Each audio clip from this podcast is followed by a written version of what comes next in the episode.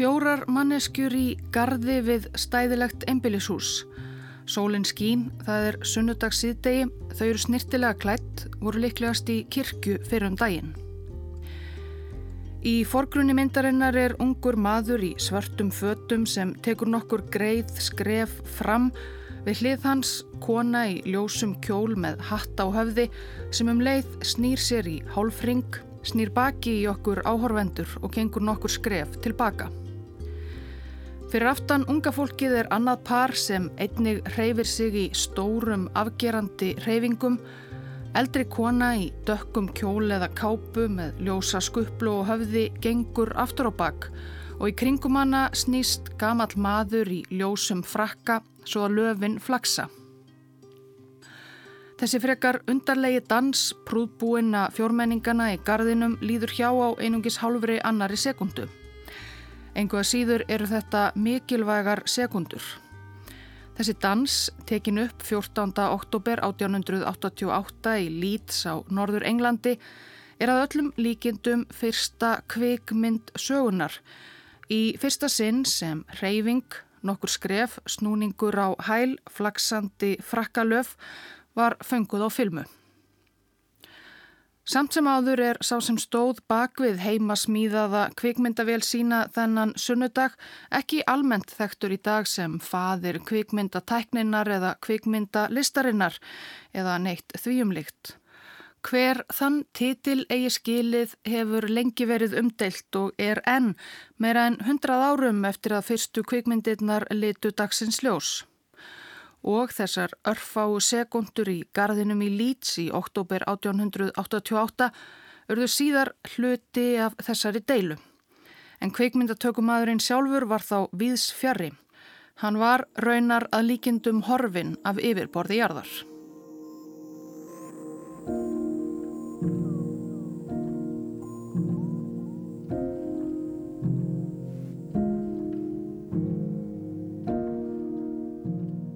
Upp úr hálf þrjú síðdeis þann 16. september 1890, tæpum tveimur árum eftir augnablikin í gardinum í Leeds, stóð Louis Le Prince á brautarpallinum á aðalbrautarstöðinni í Dijon í Fraklandi og beigð. Það var heitur höstdagur og hraðlestinni til Parísar senkaði um örfáar mínútur. Louis Le Prince skar sig eflaust nokkuð úr á brautarpallinum. Hann var um 190 cm á hæð, mun hávaksnari en evróskur meðal karlmaður í lok 19. aldar. Hann var borgarlega og snirtilega til fara með mikið og sérstakt skegg, síða barta niður fyrir höku og myndarlegt yfirvara skegg. Orðinn er alveg kvítærður þrátt fyrir að vera bara nýlega orðin 49 ára gamall. Le Prince hafi verið í Dijon í þrjá daga að heimsækja bróður sinn Albert og fjölskyldu hans. Þeir voru bara tveir bræðurnir, móðir þeirra hafi dáið þremur árum áður og þeim hafi raunar ekki enn tekist að skipta dánarbúi hennar alveg. Það var hluta til ástæða þess að Louis var komin til Dijon að skera úrum nokkur deilumál hvað varðaði móðurarfinn. Bræðurnir gemdu þó þá umræðu fram á síðasta dag heimsóknarinnar, veigruðu sér kannski báðir við að kljást almennilega við þau mál. Le Prince var á leið aftur til Parísar þar sem hann ætlaði að hitta kunninga sína, vina hjón frá Leeds, bankamannin Richard Wilson og konu hans. Hann ætlaði með þeim áleiðist til Leeds þar sem hann bjó sjálfur og starfaði. Þaðan ætlaði hann svo von bráðar að sigla yfir Allandshafið til bandaríkjana. Þar í New York bjó hans eigin fjölskylda sem hann hafði ekki séð svo árum skipti. Og þar í Stórborginni ætlaði hann loksins að sína afrakstur vinnu sinnar síðustu árin, myndavél sem gatt fangað ekki aðeins eitt frosið augnablík heldur lengri stundir, heilar hreyfingar eins og sekundurnar í gardinum í Leeds fyrir tveimur árum. Þetta var uppfinning sem hann var vissum að myndi vekja mikla aðtikli og hafa mikil áhrif, ekki aðeins á hans eigið líf heldur heimsbyggðina alla, það var hann handviss um. Samkvæmt frásögn bróður sinns Alberts Le Prince síðar meir fylgdu hann og fjögur börn hans Louis á brautastöðina. Þau kvöttust öll og Albert horði á eftir hávöksnum bróður sínum stíga upp í lestina til Parísar með farangur sinn. Í París byðu vina hjón Le Prince eftir honum en hann kom ekki að hitta þau á umsömdum tíma. Þau gáfust á endanum upp á að býða. Uppfinningamæðurinn Louis Le Prince sást raunar aldrei meir.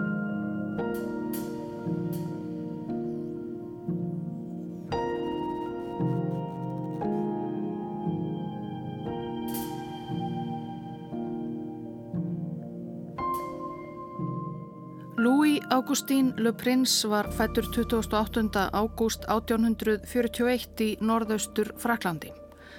Hann, stundum kallaður Louis stundum Augustin, var sonur höfuðsmanns í franska hernum en fadurinn dó þegar sonurinn var ungur. Það var vinur föðursins sem átti eftir að hafa meiri áhrif á Louis Le Prince og framtíð hans. Sá Louis Daguerre var þá frægur og dáður í Fraklandi fyrir uppfinningu sem hann kynnti heimsbyggðinni 1839 og kölluð var eftir honum sjálfum.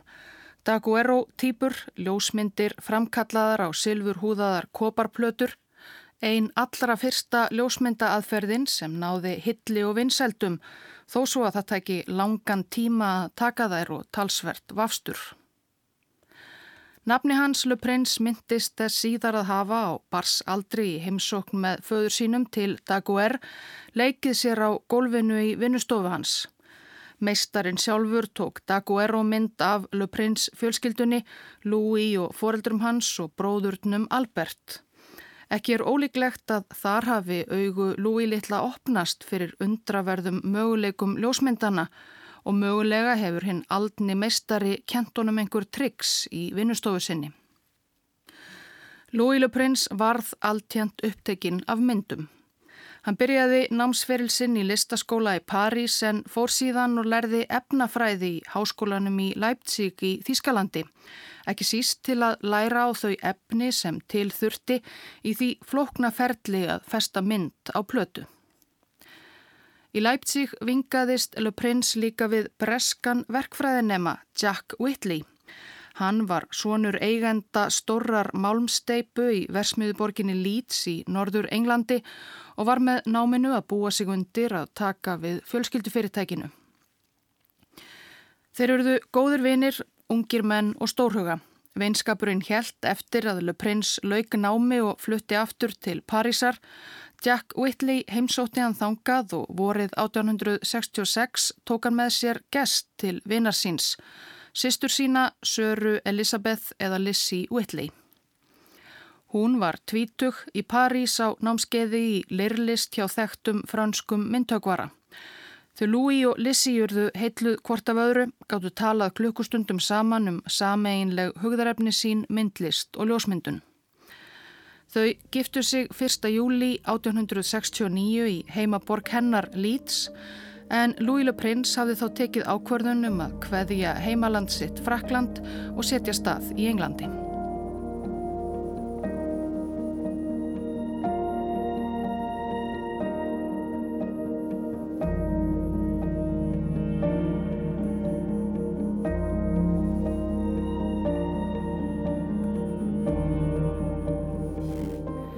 Það var talsvert stökkað yfirgefa breið búlevörð Parísar og líflegt listalíf fyrir gráa yðnaðarborgina Leeds, borg sem um þetta leiti var jafnan nefnd sem ömurlegasta og hataðasta borg Breitlands, þar sem var nær stöðug rigning og versmiðjur sem spúðu svörtum reik yfir allt og alla. En Le Prince fekk vinnu í fjölskyldu fyrirtæki eiginkonunar, Malmsteipunni Whitley Partners, syndi þar ímsum störfum og plumaði sig vel. Honum kom sérstaklega vel saman við tengdaföður sinn, forstjóran Joseph Whitley. Fjölskyldan var þó bara rétt að koma sér fyrir. Þau Le Prince og Lizzie eignuðu sitt fyrsta barn snemma árs 1870 þegar ófríður á meginlandinu ógnaði tilveru þeirra. Eftir nokkuð vopnaskak millir stórvelda Evrópu braust út stríðmilli Fraklands og Þísks ríkjabandalags sem fyrirfór forsættisráþra Prúslands Otto von Bismarck í júli 1870. Fyrstu vikur stríðsins fylgdist Le Prince áíkjufullur með ferlegum fréttum frá heimalandi sínu hverjum ósigri frakka og fætur öðrum. Þetta leitt ekki vel út. Í ágúst ferðaðist Le Prince til Parísar til þess að freysta þess að koma ættingum sínum í örugt skjól handan Ermarsundsins, móður sinni ekkjunni og eiginkonu börnum Alberts bróður síns. Albert var sjálfur gengin í herin að verja heimalandið og Louis Le Prince fetaði í fótspor hans um leið og hann var búin að koma ættingum sínum um borði bát til Englands. Það var varla um annað að ræða. Sem hermaður tók Le Prince og þátti í að verja frönsku höfuborgina í margra mánada ömurlegu umsátri prúsa um París veturinn 1870 til 71. Á meðan beigð Lissi eiginkona hans heima í Leeds með unga dóttur þeirra og allir þeirra ættingjar. Þau höfðu enga leið til að ná sambandi við Louis komast að því hvort hann væri lífs eða liðin. Bíðin var sérstaklega Lissi nær óbærileg en 20. janúar 1871 bárust þær fregnir til Englands að varnarsveitir Parísar hefðu gefist upp og í kjölfarið var samiðum vopnallið. Nokkrum dögum síðar barst loks bref frá Louis Le Prince. Hann hafði ekki haft mikil tækifæri til að skrifa fyrr en hann var á lífi nær ósærður og leiðinni heim til Leeds.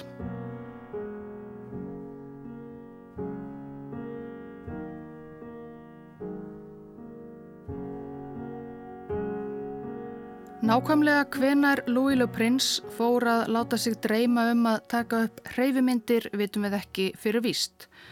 Hann var margt dölur maður og fór mjög lengt með tilraunir sínar og vangaveltur og sérstaklega hvaði mitt þetta varðaði. Kanski hafa fyrstu neistarnir kvikna þegar hann var ungur drengur að leika sér í vinnustofu galdramannsins Daguers. Kanski leta hann hugan reyka sem hermaður til að komast stundarkorn burt frá hryllingi umsátursins. Hann var alls ekki einn, vitum við allavega, um að velta slíkum hlutum fyrir sér. Í kjölfar Daguers var ljósmyndun og óðum að verða aðgengilegri Og hvert var þá næsta skref? Var hægt að þróa nýju ljósmyndatæknina til að festa ekki bara eitt augnablík á filmu eða plötu, heldur grípa stundir, reyfingu og líf. Það voru háleitar hugmyndir miða við hvað það kann tekið langan tíma að taka eina mynd með fyrstu ljósmynda aðferðunum eins og dag og erotípunni og arftökum hennar. Þær henduðu afar illa til þess að taka myndir af einhverju á örri reyfingu. En það átti sér stað mikil þróun á þessu sviði á síðara hluta 19. aldar. Um árabil til að mynda vann enski ljósmyndarinn Edward Muybridge sem bjó og starfaði í Kaliforníu að því að finna út hvernig mætti taka ljósmyndir hraðar og oftar og fanga þannig reyfingu á vissan hátt þó hún væri frosinn. Leland Stanford, auðmaður mikill, fyrirverandi ríkistjóri Kaliforníu og stopnandi Stanford háskóla á samt öðru, hafði falið Muybridge að taka myndir af veðhlaupahestum hans á stökki svo Stanford geti betur ringt í gang hans. Stanford átti nóg af peningum svo að Muybridge gatt varið mörgum árum í þessa tilraunastarsemi sem hann og gerði. Muybridge hafði líka í nóg að snúast í engalífinu. Árið 1874 skautan mann til bana, elskuga eiginkonu sinnar til margra ára. Stanford borgaði auðvitað fyrir góðan verjanda úr sínum digru sjóðum og svo fórað Möybritts var að lókum síknaður. Hann hafði játað en hviðdómurum í málinu þótti morðið á elskuganum réttlætanlegt. Já, einmitt, hvaða maður í hans stöðum, særður og svekin einmaður, myndi ekki líka taka upp bissuna og skjóta hjónadjöfulinn. Móibrits var því fljótlega frjáls maður og gatt haldið á fram að vinna að hesta ljósmyndun sinni og 1878 tókst honum með flóknu kerfi 12 myndavila að taka upp myndaserjur, margar myndir teknar með minna en andartags millibili af nokkrum veðhlaupahestum Stanfords á brokki á búgarði auðmannsins í Palo Alto. Tæknilega séð voru það hestarnir sjálfur reyndar sem smeltu af myndunum þegar þeir hlöpu yfir víra á reyðveginum sem tengdir voru myndavilunum. En myndir Móibrits vöktu mikla aðtegli, bæði sem afreg í framþróun ljósmyndalistarinnar og í hestagangfræðum. Nú loksins sást skýrt til dæmis nákvæmlega hvernig hesturinn liftir öllum fjórum fótum upp af jörðinni á stökki. Stór frétt þótti sérstaklega hestamönnum. Morðingjanum Móibrits, nú voru reyndar allir búin að gleima þessu morðveseni, hestamyndirnar, auðvitað mun mikilvægari, hafði þarna tekist á vissanhátt að fanga reyfingu með ljósmyndatekninni. En þetta voru samt bara enn frosinn augnablík af hesti á stökki. Það var engin fullnægjandi leið til að sameina myndirnar og endurskapa þannig stökkið fyrir áhorfandan. Ekki enn.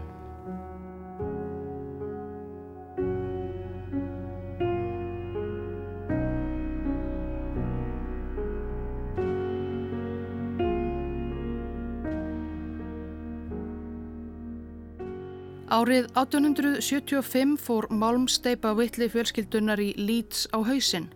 Sónurinn Jack hafði tekið við reksturinnum af föður sínum og tekist að klúðra öllu á örfáum árum. Le Prince hafði þá þegar sagt skilið við fyrirtækið. Hann og Lizzie höfðu snemma sama árs sameinað krafta sína og opnað listaskóla, Leeds Technical School of Art, þar sem þau miðluðu eigin þekkingu og reynslu á málaralist, skúldur og ljósmyndun. Lissi hafði og fætt fjögur börn á árunum 1870 til 75. Skólinn þeirra hjóna gekk ágætlega og Ímis list og tilraunastarðsemi Le Prince hjónana með fram skólarekstrinum vakti aðtekli. Le Prince dvaldi langtvölum í vinnustofu sinni þar sem hann var óþreytandi við að bralla Ímislegt tengt ljósmyndun. Hann var þarna orðin nú vel metin til að fá það verkefni að færa litljósmyndir af Viktoríu drottningu og Gladstone forsættisráð þeirra á málmplötur sem komið var fyrir í tímahilki á samt öðrum grepum frá árinu 1878 undir henni miklu ekifsku nál Kleopötru sem reist var við Thames það árið. Myndirnar eru þar að líkindum enn en enginn hefur auðvitað séð þær í næstum eina og hálfa öld.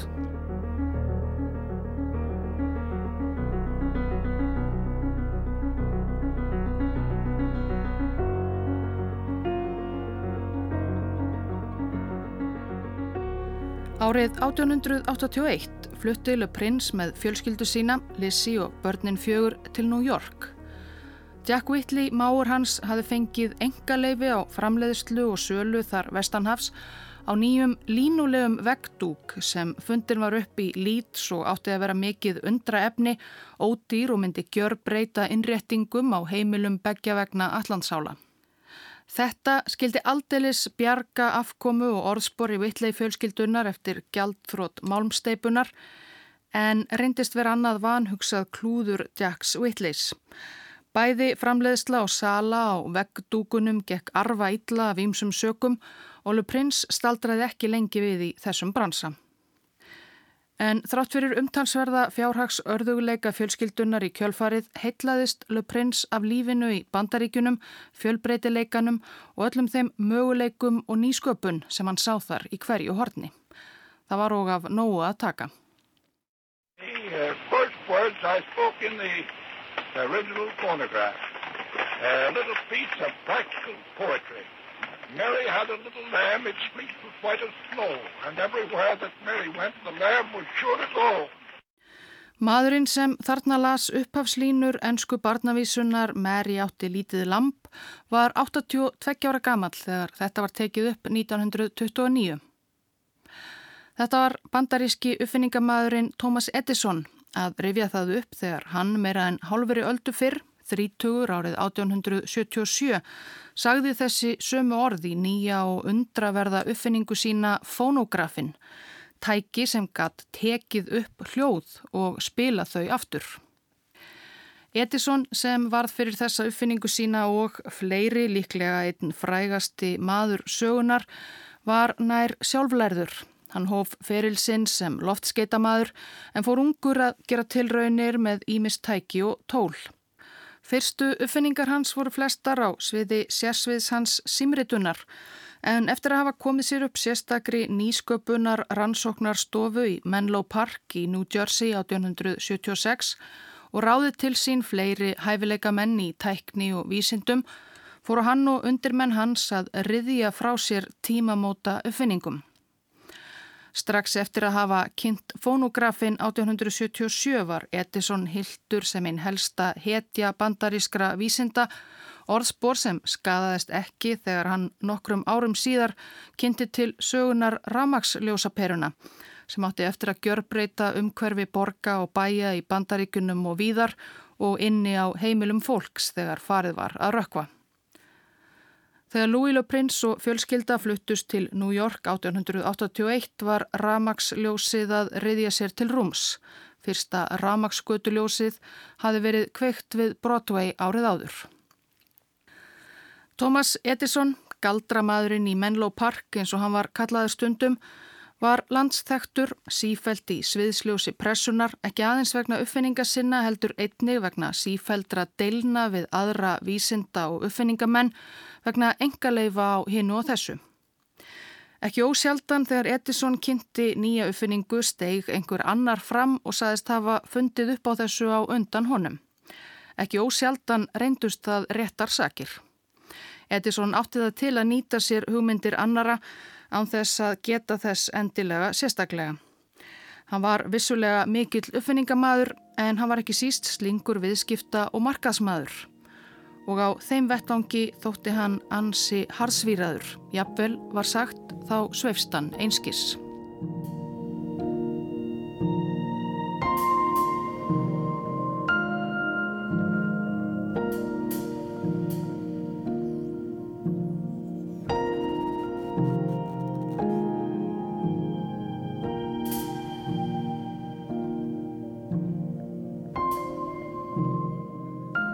Lúílu Prins fyldist með uppfinningum og uppáttækjum Edisons í pressunni eins og ótalaðrir.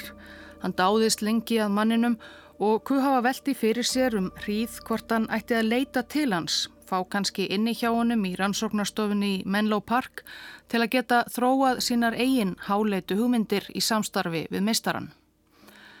En hann afríðað svo að gera það ekki, frekar að starfa einn. Þegar til New York var komið var Louis Le Prince orðin gagntekin af hugsununni um að fanga reyfimyndir. Það staðfesti kona hans Lizzie síðar en eins og fyrr segir deildi Le Prince sjálfur sjálfnast hugmyndum sínum með mörgum öðrum.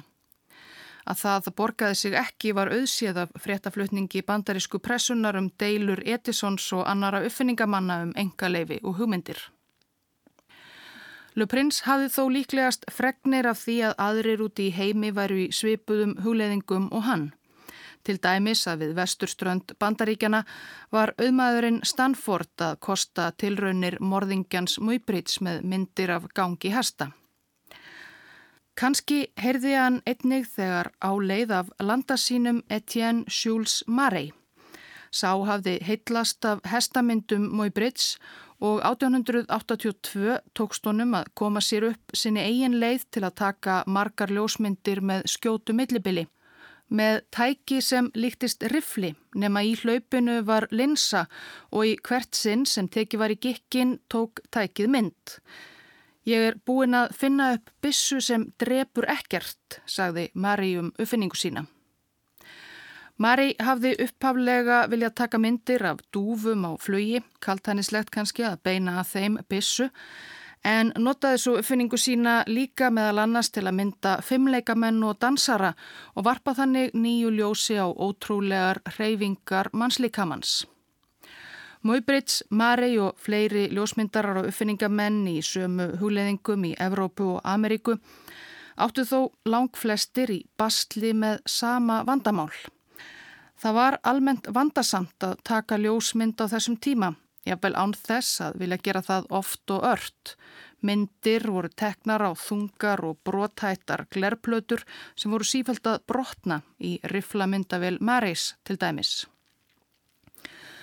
Loks árið 1885 kynnti ennið bandarískur uppfinningamadurinn í fyrsta sinn nokkuð sem myndi innan nokkura ára auðvelda líf ótæljandi ljósmyndara. George nokkur Eastman frá Rochester í New York fór að selja litlar lettar pappirsrúlur, þaktar sérstakri vögvablöndu eða svo kalluðu ljósnæmislægi sem hægt var að fanga á ljósmyndir með miklu auðveldari hætti en áður með lítilli og handhægri myndavél sem Ístmann fann líka sjálfur upp og kallaði nafni sem hann skáldaði upp úr sjálfum sér því hann var svo hrifin af stafnum K, Kodak.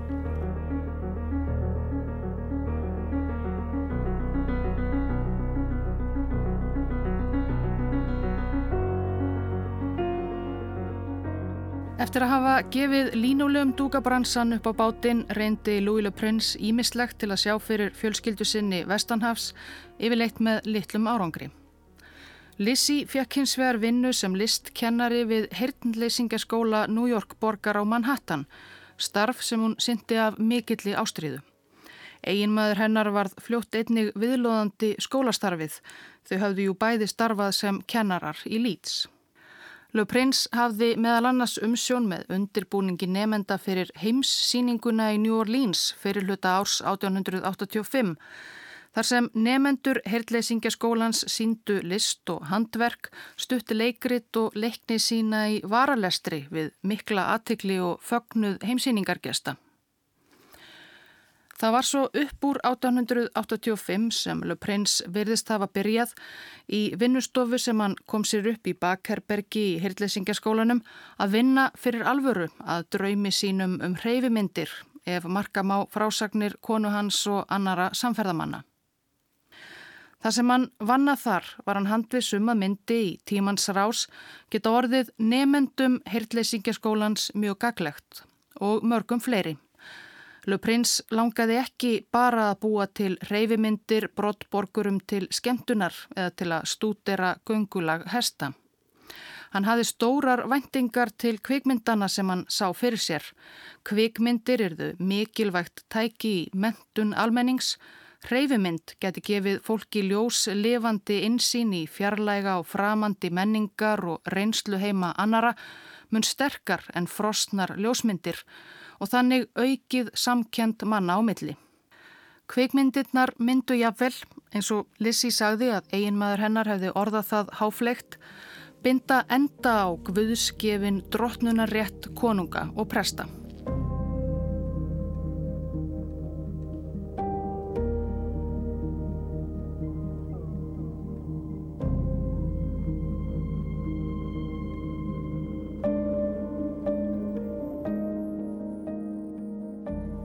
Vinnustofu sinni í Bakherbergi Hirtlesingaskólans fór Le Prince sem sé að smíða kvikmyndavill.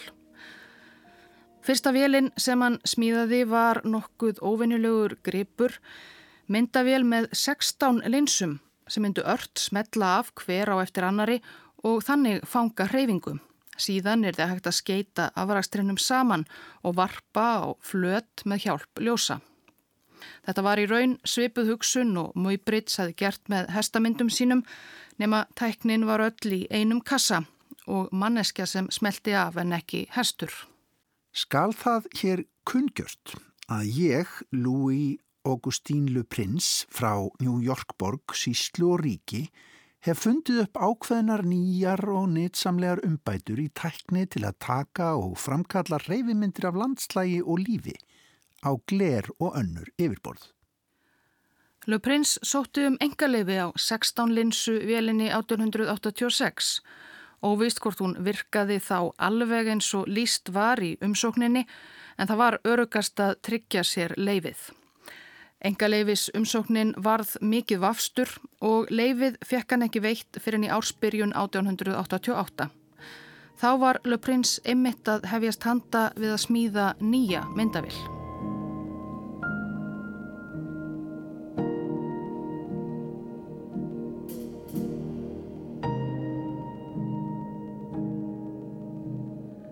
Ljósmyndun og uppfinningarstarfsemi var kostnaðarsamur bransi og Le Prince var í sífældum fjárhagsörðuleikum. Hann hafði þegar verið orðin skuldugur heima á Englandi, mögulega var það jafnvel þess vegna sem hann var svo áfjáður í að flytja til bandaríkjana til að flýja skuldunauta og byrja nýtt líf á nulli. Snemma árs 1887 ákvað Le Prince þó að snúa aftur yfir hafið. Það var af yllrinuðsinn til að geta haldið áfram vinnunni sem hann hafði heldtekiðan. Hann hafði lítið milli handana en Joseph Whitley, fadir Lizzie, gamli málmsteipustjórin, hafði trú á tengdasinnunum og skíaborgum hans. Hann böðst í til að veita Le Prince aðgang að smiðju sinni í Leeds. Þar geti hann komið sér upp alminnilegu verstæði. Louis Le Prince stóðst ekki þetta góða bóð. Að auki lést öldruð móðir hans í París í mæ 1887. Le Prince þurfti heimað ganga frá eigum hennar með bróður sínum og móður arfurinn kemi vafalaust að góðum notum. Le Prince sildi því yfir hafið og eftir stopp í París kom hann sér upp verstæði í Leeds. Hafði nú meira að segja þökk sé móður arfinum efni á að ráða sér nokkra aðstóðarmenn, unga, trí og málmsmiði. Þeir vissu ekki nákvæmlega hvað það var sem frakkin hávaksni var að láta þá smíða en hlítu skipunum hans. Það sem Le Prince var nú að reyna að koma saman var ný maskína sem var hansi frábröðin hans fyrri, myndavél með aðeins einni linsu. 16 linsu vélinn hafði aldrei virkað alveg og aldrei alvegins vel og Le Prince hafði hugsað sér.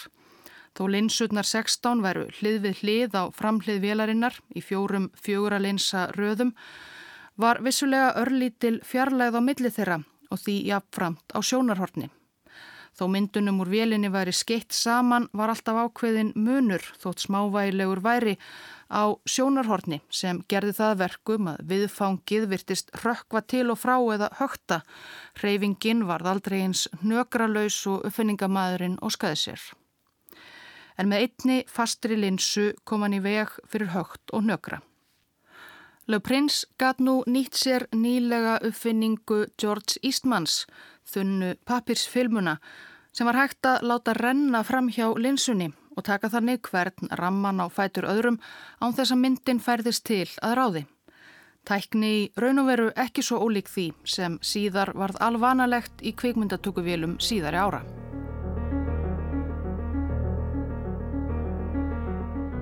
Fjórtánda oktober 1888 var allt til reyðu.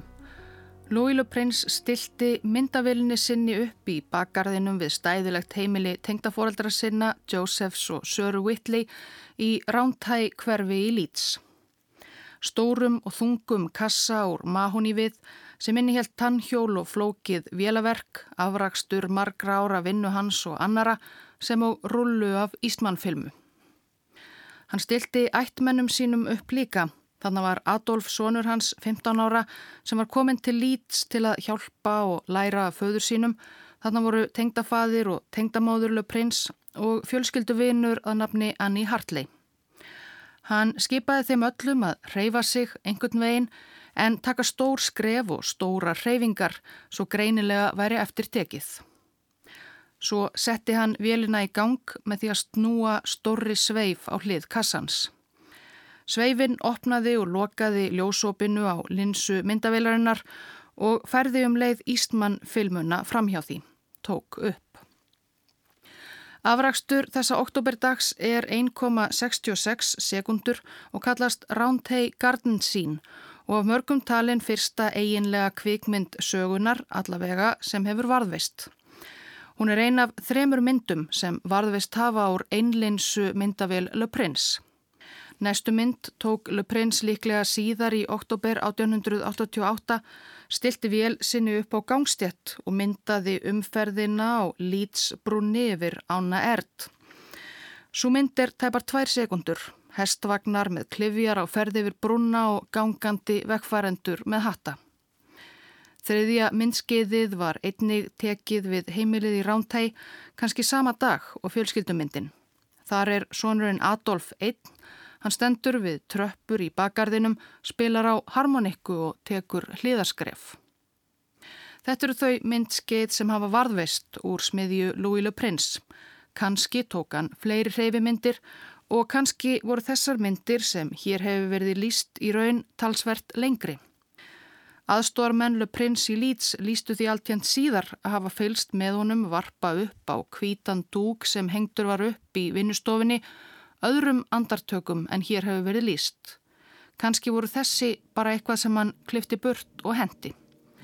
En hinn andartökin eru þá tínt að eilifu.